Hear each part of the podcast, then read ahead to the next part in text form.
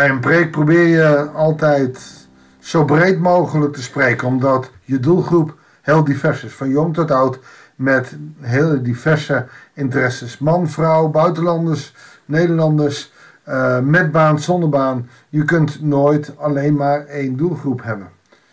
Wel heb je thema's die passen bij het algemene beleid. En Jezus was heel gericht. Hij is vaak in strijd met de fariseeën. En niet om flauw te doen, maar we mogen die fariseeërs niet zomaar wegzetten als verschrikkelijke mensen. We mogen ook onszelf daar wel mee vereenzelvigen. Want fariseeërs zijn we op de sommige tijden allemaal wel. Laten we gaan ontdekken wat Jezus tegen ons door de Fariseeërs leert vandaag. Als we lezen uit Lucas 18. Goeiedag, hartelijk welkom bij een nieuwe uitzending van het Bijbels Dagboek. Lucas 18 vanaf vers 9 tot en met 17. Met het oog op degene die zichzelf rechtvaardig vinden en anderen minachten, vertelde hij de volgende gelijkenis. Je ziet hier dus, er staat niet met het oog op de fariseeën, nee, op die zichzelf rechtvaardig vinden. Oftewel, anderen minachten is zichzelf hoger achten. Uh, en dat komt voor bij mensen uit die tijd en mensen uit deze tijd. Het komt voor bij veel mensen. En ik denk dat we er ook allemaal op, de, op z'n tijd wel eens last van hebben. Doen we niet allemaal wel eens een beetje roddelen? Een beetje minachtend over. Nou, heb je al gehoord, dit? Nou, we hebben er allemaal wel een beetje last van. Op een enkeling na, je hebt van die mensen die echt daar ver van blijven. En dat is alleen maar goed.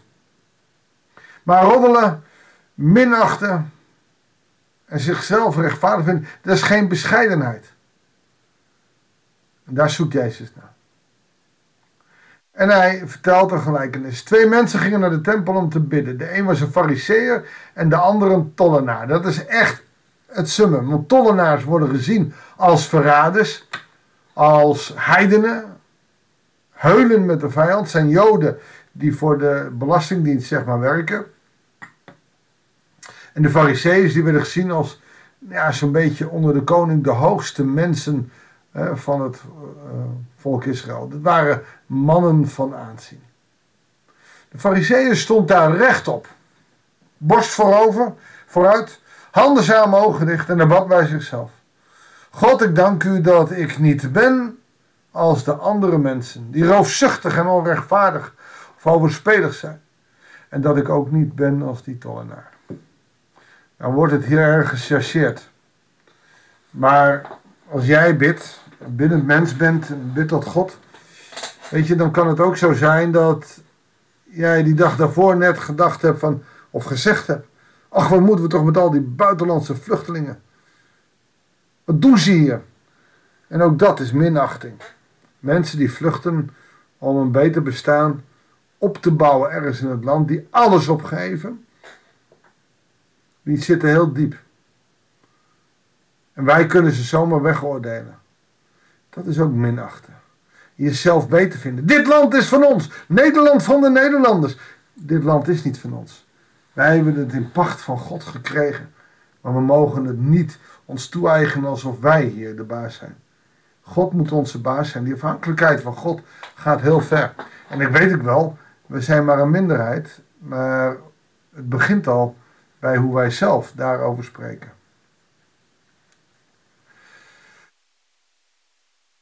De fariseeën gaat nog verder. Want hij zegt dat ik niet ben als die tollenaar. Ik vast twee maal per week en draag een tiende af van al mijn inkomsten. En God die spuugt erop. Want hij vindt zichzelf beter dan een tollenaar. Twee keer per week vasten is zo hypocriet, want dat is een dingetje doen. Terwijl ik niet tegen vasten ben, maar zoals hij het hier zegt, twee keer per week doe ik het wel. En ik draag tiende af van mijn inkomsten. Ja, lekker makkelijk als je als fariseeën uh, afhankelijk bent van de, de giften van het volk. Nee, de tollenaar doet het heel anders. Bleef op een afstand staan, durfde niet eens zijn blik naar de hemel te richten. In plaats daarvan sloeg hij zich berouwvol op de borst en zei: God, wees mij zondaar genadig. Hoeveel christenen zouden dat nog bidden? God, wees mij zonder genadig. Wanneer heb jij dat voor het laatst gebeden? God, wees mij zondaar genadig. We vragen wel, Heer, vergeef ons onze schulden. Nee, wanneer heb jij jezelf zondaar genoemd? Of voel je je geen schuldige, geen zondaar meer? Ik zeg jullie, naar het huis als iemand die rechtvaardig is in de ogen van God. Maar de ander niet, de fariseeën niet. Want wie zichzelf verhoogt, zal vernederd worden. En wie zichzelf vernedert, zal worden verhoogd. En vernederen, in de, dat is jezelf niet onderuit halen. Maar dat is nederig zijn. En als jij bidt, God wees mij zondaar genadig, dan ben je daar afhankelijk van God. Dan ben je nederig. En dat is precies hoe Jezus wil dat we zijn. En dat is dus niet zoals de fariseeën die hoogmoedig zijn en arrogant, minachtig op het gepeupel neerkijken. En dan opeens zien we de discipelen aan het werk. En dit verhaal staat er niet voor niets achteraan. De mensen probeerden ook kleine kinderen bij hem te brengen om door hem te laten aanraken. En toen de leerlingen dat zagen, berispen ze hen. De leerlingen hebben niets begrepen van wat hiervoor net gebeurd is. De leerlingen vinden zichzelf en alle volwassenen rechtvaardiger dan kinderen. En ze sturen de mensen weg. Weg met die kinderen. De meester is bezig met andere dingen, met belangrijke dingen. De meester is rechtvaardig bezig.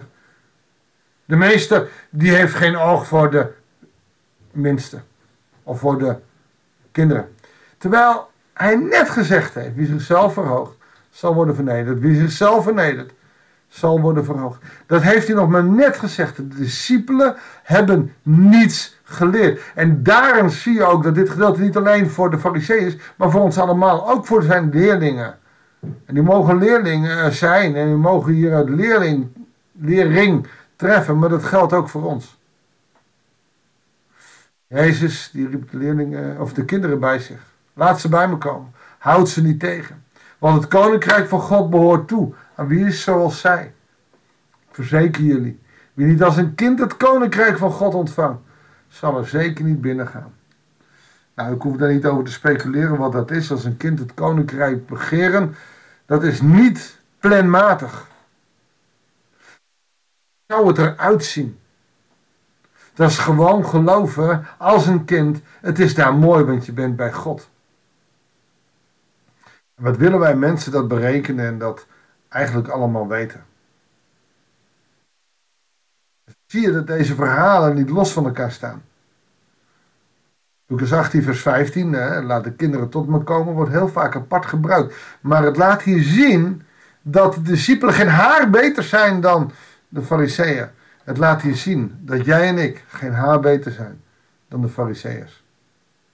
Ook wij, als je het brede trekt, hebben er last van. Ook wij vinden bepaalde doelgroepen belangrijker dan anderen. En Jezus is gekomen. Voor hen die door ons worden uitgekost. Jezus is gekomen. Zoals hij zegt voor de zieken. Tijd bij de zieken buiten het dorp gezet.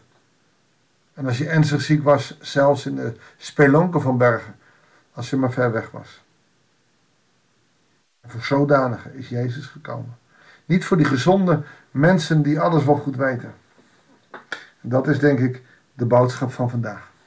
Zullen we bidden? God, wees ons zondaars genadig. Wij die als zogenaamde christenen het allemaal zo goed weten. Maar soms zo weinig weten. Wij die denken dat we zoveel goede dingen doen en toch ook nog zoveel verkeerde dingen en nog steeds zondaar zijn. Heer, wees ons zondaars genadig. In Jezus' naam. Amen. Dankjewel voor het luisteren. Neem het mee en ga op weg deze dag in. Ik wens je God zegen en heel graag tot de volgende uitzending van het Bijbels Dagboek.